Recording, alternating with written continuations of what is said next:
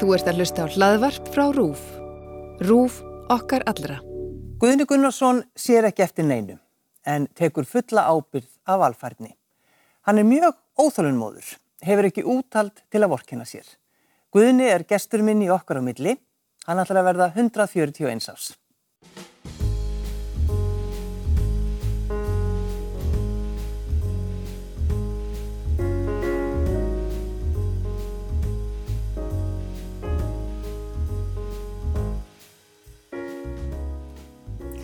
Takk fyrir að sitja hjá mér. Bara indislegt. Varstu kolbrjála barn? Já, já, brjál er svolítið, svolítið svona uh, skemmtilega tögtak, en ég var virkur og, og hérna út um allt og allstaðar og, og ég sjálfur sér hættulegur. Já. Hættulegur þá? Já, sjálfur mér alltaf fyrst og höfst og, og bara svona lífunu til að byrja með það, að því að þú talar um barna þá meira sem úlingur. Já. Ég var friðsamur þó ég væri ötull og, og duglegur og áræðin og, og hérna fylgjarfur jável. Já. En svo þegar ég var úlingur þá snerist það svolítið gegn mér að því að, að, því að þá maður komið til hugssíki og þráhíki og það sem við kallum sjálfsmeðvitund að halda allir heimilið snúist í kringum hann. Maður, það með þessi fullari fólk sem er þannig? En þá, já. Allir sem er ekki búin að taka ábyrg. Já, en sko stoppaði aldrei hausinn á þér? Nei, ég var mjög öll líkamlega og huglægt andlega líka. Þannig að, já, já, ég var bara, var bara svolítið við ál. Mm. Uh, mér langar svolítið að tala við um fóröldraðina. Já. Erstu til í það? Alveg sjálfsagt. Já. Uh, mér langar kannski að byrja að þú bara vilt tala við með mömmuðina. Mamma mín, uh, þegar ég segi þetta þá fyllist ég bara svona að, að lotningu. Mm. Þetta er minn meistar í sjálfu sér, þessi manniski kendi mér allt um sásöka, allt um sannleikan, allt um traust, allt um virðingu, en allt um vannmátt líka og, og óta. Það er að segja, þannig fekk ég allt í einum bakka, þessi manniski að hún livði fyrir mig og okkur, þá til ég var 13 ára gammal, þá byrjaði hún í, í áfengisneislu og hefði ekki smakað áfengi fram með þeim tíma. En þegar hún byrjaði að drekka þá, þá varði hún í sjálf þessu bara alkoholisti á fyrsta sopa. Og hún hefði verið að nota ykkur róandi liv, valjum og eitthvað svoleiðis og þegar hún drakk hún í þetta þá ofinbyrjaðist bara hennar veikindi sem var flótti og við náðum henni aldrei baka, það var ekkit, það var ekkit aftur snúið. Þannig ég horfið á þessu eindisluðu mannesku sem að, að, að, að gaf mér líf og, og, og gaf mér allt sem hún átti, tærast upp á 6-7 árum, bara fyrir fram með augun á mér og ég var náttúrulega hrættur og, og, og, og í þessum óta þá lærði ég að fyrirlíta hana fyrir vannmátt sinna því að ég átti einhver annar að kosta völ heldur en að, loka hjarta mínu og stíga í burtu frá þessu eins og mögulegt var mm. og var þar leðandi sjálfræða og eins frákverfur henni eins og ég gæt.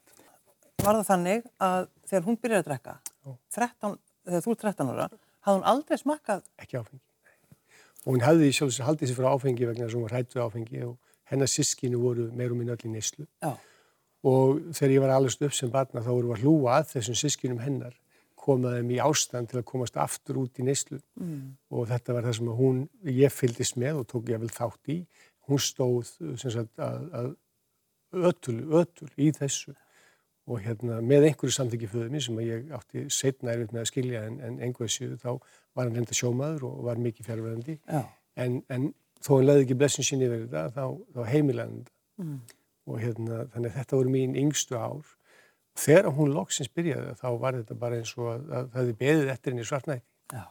Bara hreinlega kvarf og, og þegar hún sko, þegar, þegar hún deyr hún deyr af sjálfskeipuðum sliðsvörum þá var hún búin að gera tilvæg til að taka sitt líf í, í eitthvað skipti.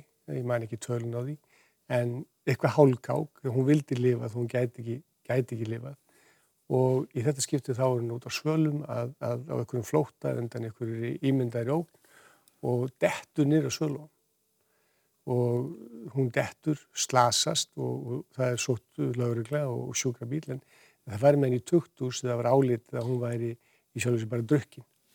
En það kom svo í ljós deginu setna að hún hefði hálsbrotnað og dós og degi eftir það úr lúnabólku þannig að, að þetta var í sjálf sér léttir. Það er að segja hennar líf var búið sem slíkt og, og hérna og ég þá maður segi svona að, að þetta var léttir að því að það var í sjálfsveit ekkert annað eftir, það var bara þetta voru síðustu dyrna sem hún þurfti að lappa í gegnum til þess að alveg svelsi mm. og þegar hún dóa þá fyllit ég hana. Ég hata hana eða hataði eða kannski stert orð en, en mér ótti var þannig að ég var bara lokaður og búin að fjallaja mig úr hennar tilvist og, og Þórsson minn sem var þá bara sagt, nýfættur.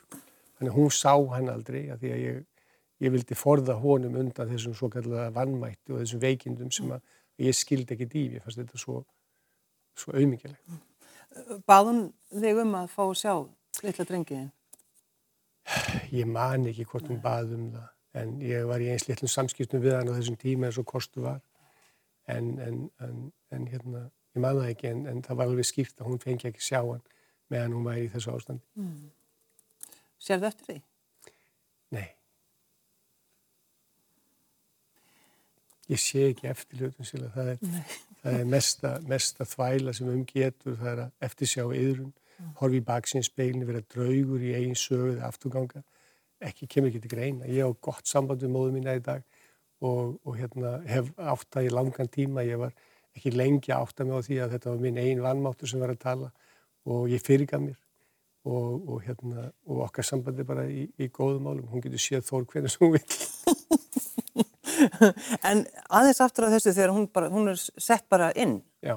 bara í fangaklu. Í fangaklu, já. já. Urði einhverju eftirmálar af því? Eða, eða hvað? Ég gerði tilrönd til þess að róta í þessu og hérna, að því að þó ég var í reyður, þá var ég ekki bara reyður út í hana, ég var líka reyður út í meðferðina sem hún fekk. En það voru góðir menn sem kom að þessu og þetta var ekki illa meint, það var ekki verið að, að, að skiluru og það að fara að leita eitthvað sökudólk að, að ég fann út í flótt að, hérna, að það var engin sökudólkur, mm. það var bara lífið í sinni byrtingamind, var uppskynjað sem maður sáir og hún var komin á leðranda. Já. Hvað var hún gömul þegar hún dó? Ég var við 36, 37. En, en hvað er pappiðinn þarna? Þannig pappi á, bara á sjó og, og hérna í vinnu, hann var það sem við kallum funksjónal alkoholisti, hann drakk við öll tækifæri en, en stóð sig Svo hlærið ég, ég er ekkert að setja út á þetta þetta, þetta er góðu maður og, og stóð sig með bríði og mm. ég er ekkert út af fólk minn að setja ekki nokkuð skapaðan ég elskar hann með öllum sínum kostum og göllum en hann er farin líka. En þarna var hann í sjálfu sér bara að, að abla tekna og vann ötulega og var bæði sem sko stýrimaður til sjós og, og vel liðin og svo, svo matsveitn eða kokkur og Þannig að hann hefði úr plásum að velja, það var bara eftirsóttur, starfskraftur, en, hérna, en hann var í neyslu. Og það var ekki fyrir, það var fljóðlega eftir að mamma fer reynda sem að, að hann snýður í blæðinu og fer á fríport í Bandaríkjóm, einna fyrstu ístingur sem farað þanga mm. Og svo fór hann að, að, að fara með uh, sagt, menn til fríport og, og hjálpa þeim og hann var 30, ég held að hann verið tæp 40 ár, edru, sko. Þannig að ég tel það frekar heldur en, heldur en, heldur en drikkjuna, sko. En það ekki líka svolítið gott að hugsa það þannig? Þessi maður, hann, þetta var bara eindislega maður mm. og hann var að glíma við sína tilvist og, og, og sitt líf og, og svo móðu mína og það félag, það, sko, þá köku sem þau höfðu bakað. Þannig að, að ég held að, jú, jú, ég held að það sé bara mjög gott að skilja að, að hann gaf miklu meir en hann tók. En, en hvað með því sjálfan og brennivinnið? Hvað gerir þú? Ég, sko, var hættu við áfengi þó ég væri að smakka og byrjaði ungur að þá komst ég fljóta því að, að, að sko ég var ekki til hellum og gleði, ég var miklu meira hellum og sorg og flóta mm. og ég slefti mér ekkert í áfengi, ég sem sagt var með fyrirvara og, og þó ég drikki að þá varði ég aldrei dauða drukkin eða fullur, ég var svona þó ég drikki ég vel mikið, þá leiði mér ekki að sleppa mér. Mm. Svo fór ég að finna bara fyrir smá ofnæmi gangað áfengi og þetta er svona í kringum átjónuna tíma þegar ég drakk og þá fekk ég rauða flekk í andliti og mér fannst það svona ávísunum það að ég ætti bara helst bara að gera eitthvað í þessu og halda mig frá þessu. Mm. Þessum tíma er ég líka komin, sko, komin með, með konu, þess að í samband og, og ég tek ákvörðin þá ádjánuna gamal að drekka ekki áfengi fyrir en ég geti valdið því þannig að ég hefði gagn og gaman að ég frekar heldur en skömm og, og sektakent. Mm. En minna þú ert ádjánara og tekur svona ákvörðin. Í gamla daga, eins og maður segir, Já. þá þurftum maður að verða fullorðin Já, mjög snemma. Já. Og ég er sjálfa ala upp úr 13 ára aldrei. Þannig að ég er, er mjög snemma orðin, eins og maður segir, á góðri íslensku strítsmart. Það er að segja, ég var fann að, að, að halda mig í, sko, ég var sjálfráða, ég þjenaði peninga, hist og herr og, og var prakkari og, og hérna, já, og fór bara mínan leiðir. Já, skreiðist undir, undir gyrðinguna til þess að fara upp á völl og svona eða ekki? Til dæmis. Keflaðugur? Til dæmis. Þannig að þegar ég er orðin átján, að þá myndi ég kannski líka því við svona 25-30 í dag. Já, já. en, en þú, svo, þú hættir að drekka, en svo prófaðu það aftur? Já, ég ákvaði að drekka ekki fyrir ég teldi mig valdaði og í kringu 25 ára aldur þá byrjaði ég að smakka áfengi aftur. Mm og með fyrirvara þar að ég var alltaf hrættur við, ég held áfengi en ég var hrættur við mig og þannig að ef ég var eitthvað að smakka þá var mér þá reglu að, að, að hætta alltaf 1. januar og drekka ekki sko fram á vor já, já, já. bara til þess að, að vera vissum það að ég væri, það væri ég sem er ég en ekki í bakkus. Er svo Erpur Eymdarsson, hann gerir þetta, gerir þetta líka? Já, já, ég, ég vissi það ekki. Nei, við tveir. Við tveir, en svo, svo, svo skildi ég og þá fór að aðeins að þá fór ég að drekka meira, ég fór að skemta mér öðruvísi og, og, og var þá laus og liður endar og, og smá saman að þá, þá fannst mér svolítið bara, já, ég fannst þetta ekki henda mér. Nei. Og þá tók ég kring ég var 39 og háls, þá tók ég ákvörðinu það að, að ég ætlaði að kvíla mig á, á áfengi í fimm ár og hef ekki snúið við. Ég sagt, komst að því eftir fimm árin að þetta hendaði mér mun betur heldur en að drekka og, og bara, já. En byrju, þú, þú ert líka búin að ákveða að verða, hvað, 100 og... 141 ás. 141 ás. Já. Frábær tala. Já. Það er hérna, ég ætlaði alltaf að verða 140, þá vil ykkur sagði, akkur ekki 141. Já, já. Og ég sagði bara, já, já, já. já. Og gerur, ertu þá í alvöru? Þú veist, þú ert að hugsa þá, ég ætla bara að hugsa vel um mig, þannig að ég get orðið eða... Já, bæði það og svo annað sem er það, ég veit að tækninni fleitir áfram og ég ger mig grein fyrir því að, að í dag að þá erum við að sjá breytingar á sviði vísindana sem er að gera okkur kleift að verða 150, 60, 200 ára gömul þess vegna. Það er náttúrulega hræðilegt. Hver vil vera um lífi svona lengi? Ég ferði ekki svolítið eftir hvað skemmtileg. Já. Ég meina 140, ég bara, þetta er ekki hægt sko. Ef maður ætlar að verða 140 ára gamalmenni eða leiðinlegur, leiðinlegur þá held ég að sé engin kostur. Nei. En meðan maður getur gefið af sér og lagt einhvern veginn málana, þegar maður hefur tilgang og ástriður, þá er engin ástæða til að lifa ekki. Mm. En hvenar hvenar byrjaður að hjálpa fólki? Ég byrjaði bara að hjálpa sjálfur mér mm. Og, og hérna, það byrjaði að hjálpa fólki byrjaði svolítið með stjórnsemi að, að, að benda fólki á að vera betra að gera þetta svona geta einsig og ég segi stundu frá því að þegar ég var að byrja að vinna með fólki Já. að kenna því og þá er það í kringu líkans og heilsurætt og vítamin og bætefni og, allt sem að því snýr að þá ef að gömul koni eða maður hefði byrjað með hjálpa sér yfir göldu þá hefði ég búið hann eða hana Já. Já. og þá segir fólk, vá, hvað svona flottur ég segi, finnst þetta flott að, að ræna manneskuna sjálfsveitingunni til uppið að sjálfa mig. Og me meiningin er að bakvið þetta það er það að maður, maður þó maður vilji vel að þá er maður upphaflega að, að bjarga sinn eigin tilvist og vinna með sig og, og láta sér líða betur. Og oft úr tíðum að þá festust við því að vera að sækja sutt viðkenningu þannig að, að ég byrjaði ekki að hjálpa fólki fyrir en ég var frjálsvið það. En sko, mér er alltaf langaðan að vita, þú veist, bara hvaðan þú kemur, Gunnar, því maður hefur fylst með þér bækurna sem þú skrifa og það sem þú ert að segja, veist, það hlýtur að vera eitthvað sem þú hefur gengið í gegnum og það er náttúrulega, það, það er það sem þú hefur, hefur gert. Að, það er svo merkilegt það, að því að við nú erum að tala um móðu mín og föðu mín og, og, og þennan alkoholisma, mm. það var ofsalega mikið um andlega heit líka. Batta frænka mín til dæmi sem að ég nefni ofta, hún hún kendi mér hugleðslu þannig að hún setti eldspýðstokk á, á borði hjá mér þegar ég var krakki, 7-8 ára gammal og saði, heyrðu, nú vil ég að þú rekir uppbrunnan. Það segi, hvað mér er rekið uppbrunnan? Ég kipti þetta út í búð. Nei, sagði þetta. Í þessu eru eldspýður og ég vil að þú hugsa um hvaðan eldspýðuna koma og hvað, hvaðan brennistinni kemur og hvaðan pappirinn kemur, hvaðan kemur eldspýðan, hver er uppbrunni? Og, og ég settist yfir þetta og hún var í sjálfu sér að láta mig elda elspýtuna til uppröðunars, til trjásins, til náttúruna, til jarðarinnar. Og þetta sittur í mér. Þannig að, að það voru svona leiðbynningar og handleista sem ég fekk amma mín sem er móður, móður minnar og maður læknja miðl mm. og þegar ynga sýsti mín, yngsta sýsti mín var fár veik með, með, hérna, með heilefnubólku og ekki huga líf og, og það var sagt að ef hún myndi lifa þá er hún í sjálfu sér föll. Mm. En amma mín, hún fekk hjálp fyrir það og Inga stóð upp úr þessum veikindum og, og hérna, það má segja að hún hefði verið aðeins og eftir en, en hún var langt frá því að vera fölluð, hún var bara stórkostleg. Já. Þannig að það voru svona hluti líka í minni tilvist. Ég sá þegar ég var barn að það var ykkur stað, ég held ég hef, mér hefur lokað, ég veit ekki alveg af hverju en, en, en, en ég hef ekki séð síðan, þó ég finn eitthvað. En hérna þannig að mín tilvist í sjálfu sér í umgengni við þetta þroskaða fólk sem að, að, að ég kem frá, að hún var ekki bara í þessum heimi, hún var líka í heimi andans. Það er líka bara svo mikilvægt. Ég held að það sé bara rosalega mikilvægt eins og þú segir en algjörlega nöysinlegt líka því að það er ekki tilneitt efni, það er bara andi. Sko, þegar, þegar þú byrjar að tala og þegar þú segir eina af þessum frægu setningum þínum, því sem þú veitir aðtegli vex og dafnar, Mm -hmm.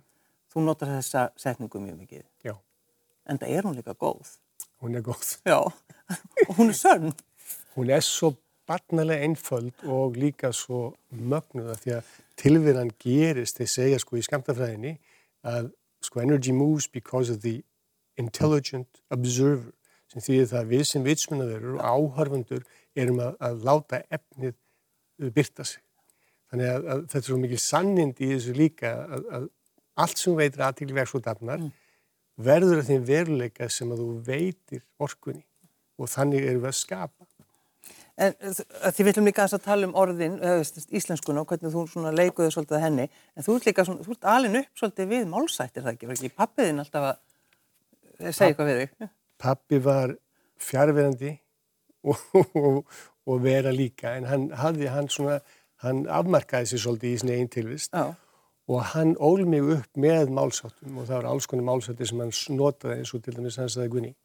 Líkur sækir líkan heim, mm. síndi mig vinina og ég skal segja þið vitið. Mm -hmm. Og þá átt hann við ekki bara félagarnir mín, heldur tónlistin og klæðaburður og, og næringin og allir hlutir. Og hann sagði líka við meina svona, Gunni, ekki kasta perlum fyrir svín.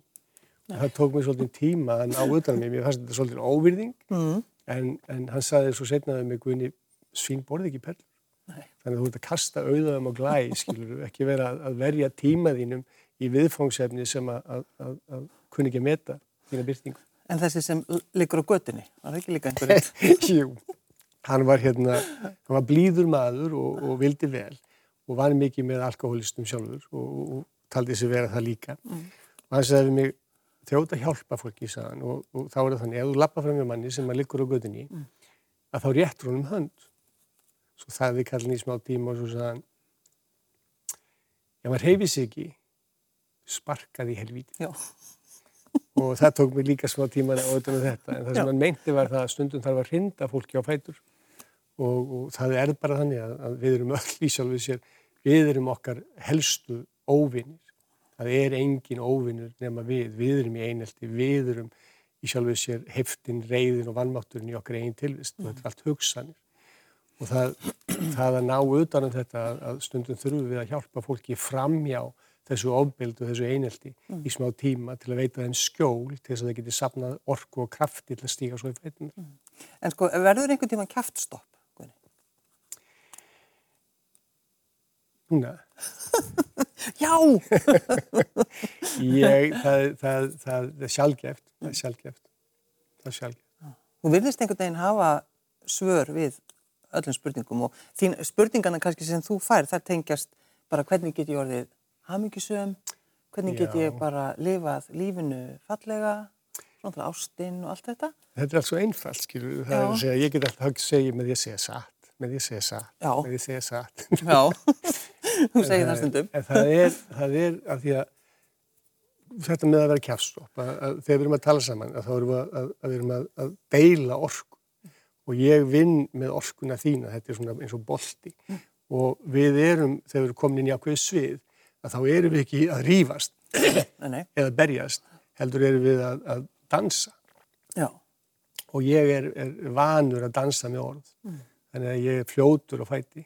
En sko, þú líka stundum ef maður segir, veist að þetta er bara bull sem þú ert að segja. Já. Ef maður segir það við þig, þegar þú ert búin að halda einhverja svona ræður. Já. Ræður. og ég, maður segir, þetta er bull. Já. En þá svarar þú alltaf einhvern veginn þannig að maður situr eftir bara og búin að tapa. Ég, ég, sko, ég myndi náttúrulega bara segja, þú segðu mig hvernig þetta er bull, þá myndi ég segja ég er sammálaður. Já, já, þú segir það. Já. Ég er sammálaður. Já. Ég hef reyndar aðra skoðun en, en ég get ekki sett út á þínu. Nei, einmitt. en að því við einmitt erum að tala um orðin, uh, að þú, það er eitt orð sem þú uh, bjóst til. Já. Þolfimi.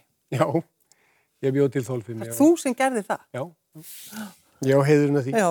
Uh, þegar ég gaf út tímarið sem ég líka svolítið næring, þá hérna, þá var þetta sem við köllum aeróbik á þeim tíma, að það var í háviðum og með Magnús, Magnús Skeving hérna, sem var flottasti kennurinn okkar á þeim tíma og, og, og hérna, gerði svo stórgóðslega hluti í farveg þess að þetta mér fannst svo leiðinlegt að við skildum ekki eiga orð sem að, að, að væri á íslensku sem að útskýði þetta mm. og í þessu tímariti sem ég gaf út og þá gerði ég með farum það að þú verðum að þýða og vinna með ennstefni að gera efninu skil á íslensku og enga slettur eða, eða, eða, eða hérna eða útlenska mm. og þetta vaðið svolítið fyrir mér en, en í sjálf og sér þá var verið að vinna með þól og það var leik fyrir mig þannig að þetta smalt saman og, og þetta var mjög fljótlega það var smá viðnáma því að, að, að hérna, það er svo cool sem maður segir að vera með slettur jú, jú. en smá saman þá, þá festist þetta bara í samfélaginu og, og, hérna, og það gerist öll góð orð þau skjóta rótum mm. og nú erum við til að vinna með orð sem heitir valfær Valfær? Já, valfæra því orðið ábyrð og Yngibjörg Greta Gísladóttir hún aðstóðaði mig við að setja þetta orð saman. Við vorum búin að vera að, að velta því lengi fyrir okkur að því að amerikanir nota orðið responsibilities mm. sem að þýðir valdi til að velja, getan til að velja to respond with ability. Og það er ekkit orð sem við höfðum yfir þetta í Íslands menn er að nota orðið ábyrð en ábyrð er líka að taka á sig byrðar. Það er því að kenna, ekki bara því að þakka Já, fyrst, það, þannig að þið finnst það neikvægt. Það er slegandi orð, þú mátt taka á þau byrðar. Öll þessi ábyrð. Já, Já. öll þessi ábyrð. Mm. Og ekki það ég ger lítur orðinu, það er fyrir það sem að vilja vera píslavættur og, og fórnalöfn, þá er það bara sjálfsægt. en að vera valfær er að vera viljandi vald. Þú getur valið hvernig þú veitir þinni orku, allt sem veitir aðtæklega svo darnar. Og þegar þú ert í vitund, þá ertu valfær, ekki óvalfær. Mm. Þú ert ekki lengur fatlaður, heldur ertu viljandi verk og þannig að við urðum að, að smíða orð sem að, að, að kæmiðust til skila. Orði vilji mm. er öflugast orðið í íslensku. Það þýðir viljið, það þýðir vald, það þýðir val, það þýðir viljandi og það þýðir vald. Þannig að þetta orð, það er svo magnað að því að þeir eru uppi staðið þá skiljum við það að vilji er verknaður. Ekki vonið eða vælið eða löngun eða þrá eða ætlun heldur vilji er verknaður. Ef þú ert ekki að valda einhverju þá ert ekki að vilja og þetta er svo magnað hvernig íslenskan þá ertu ekki að vilja ekki að vilja en, en er þið búin að ringja í orðabók? Ætlið að koma þessu ég kom þessu nafnin ég baði um skrásetningu á valfærningu já, já. ég baði um það. En þú ert, með, þú ert með svona litla orðabók í einum af þínum bókum þar sem þú ert bara með orðin sem þú hefur búið til. Ekki bara sem ég hef búið til, ég hef ekki búið til suma þessum orðum, en, en til dæmis eins og að þið verum að leika okkur svolítið, orðið þólfimi Já. Nei, hérna fyrir ekki, orðið hérna þólinn móður. Já. Það þýðir að hafa úttald til að vera móður. Það þýðir að hafa úttald til að vorkina sér. Orðið óþólinn móði þýðir að hafa ekki úttald til að vorkina sér. En að vera þýðir ekkit viðnám, skilur. Þannig að við, ég útskýri þessu orða á öðrum fossendum og ég er að nota íslenskuna því íslenskan er það upplugt mál og skilvirt og þá komum við öðru. Erum við að tala um tungumál hjartans sem er einlægt áræðið, hugrægt, heiðalegt. Við erum að tala um tungumál hugans sem er afstöður og dómar og gaggríni og viðnám og ótti, mm. vannmál. En sko, er, þarf þú einhver tíman að byggja um hjálp? Já, já. Þá er ég að tala um ef þið líður illa. Já, vissu það að, að ég, hérna, ef mér líður illa. Mér líður ekki oft illa að því að þegar ég finn fyrir viðnámi eða efa eða ótta eða vannmætti að þá yfirgef ég mig ekki. Þannig að, að ég leifi mér að upplifa þá tregðu sem er að myndast og gerir mér þá yfirleitt grein fyrir því að ég er þá ekki kvildur eða, eða nærður og, og skapa mér skjól til að hlúa að mér. Mm. Og auðvitað get ég beðið um aðstóð eða, eða gefið tilverinu kost á mér en ég gerir það með því að, að komin í tilfinningu þakklætis. Það sem að, að ég opna hjarta mig og leifi mér að upplifa það sem mér hefur verið veitt í staðin fyrir það sem að, að, að, að mér finnst mér vanta og þá, þá smellur þetta allt saman, þá er engin vanlíðan lengur að því ég er ekki viðnámi. Jókarnir segja að það er sásöki er óumflíjanlegur en þjáningin er val. þjáningin er viðnámga hvað þinni byrtingu á þeim tíma sem hún er og ég er ekki mikið í því lengur að, að, að hafna mér. Verður einhvern veginn brjálaður? Þetta er loka spurningin. Ég, ég veit ekki hvort að hérna, það er allavega... Já, kannski spyrir einhver aðra, einhvern annan. Það er ekki, ekki nýlegt. Nei. Ég, nei, ég, ekki brjálaður, nei, nei. Ég held ekki alveg svara því að ég verð ekki brjálaður. Jú. Komdu með það. Ég hef æst upp. Strákurinn minn hefur náð mig svolítið hátt upp og ég veit ekki kallum það að vera brjálaður en, en, en, en ég hef steitt nefan og, og, hérna, og, og gert mig yllilega grimman í hans garðu en svo bregðu það mér eftir eina, eina tvað sekundur. Sér þú það eftir því? Nei. Nei, ég finnst velviðingar hins vegar á því að hafa hagað mér ómannulega mm. og stígin í ábyrð en um leið útskýri það að að, að, að svona hefði ég bröðist við því að ég hefur orðin vannmáttur. Mm. Guðni Gunnarsson, takk fyrir að setja hjá mér. Maður mín er ánægin heiður. Takk fyrir mig.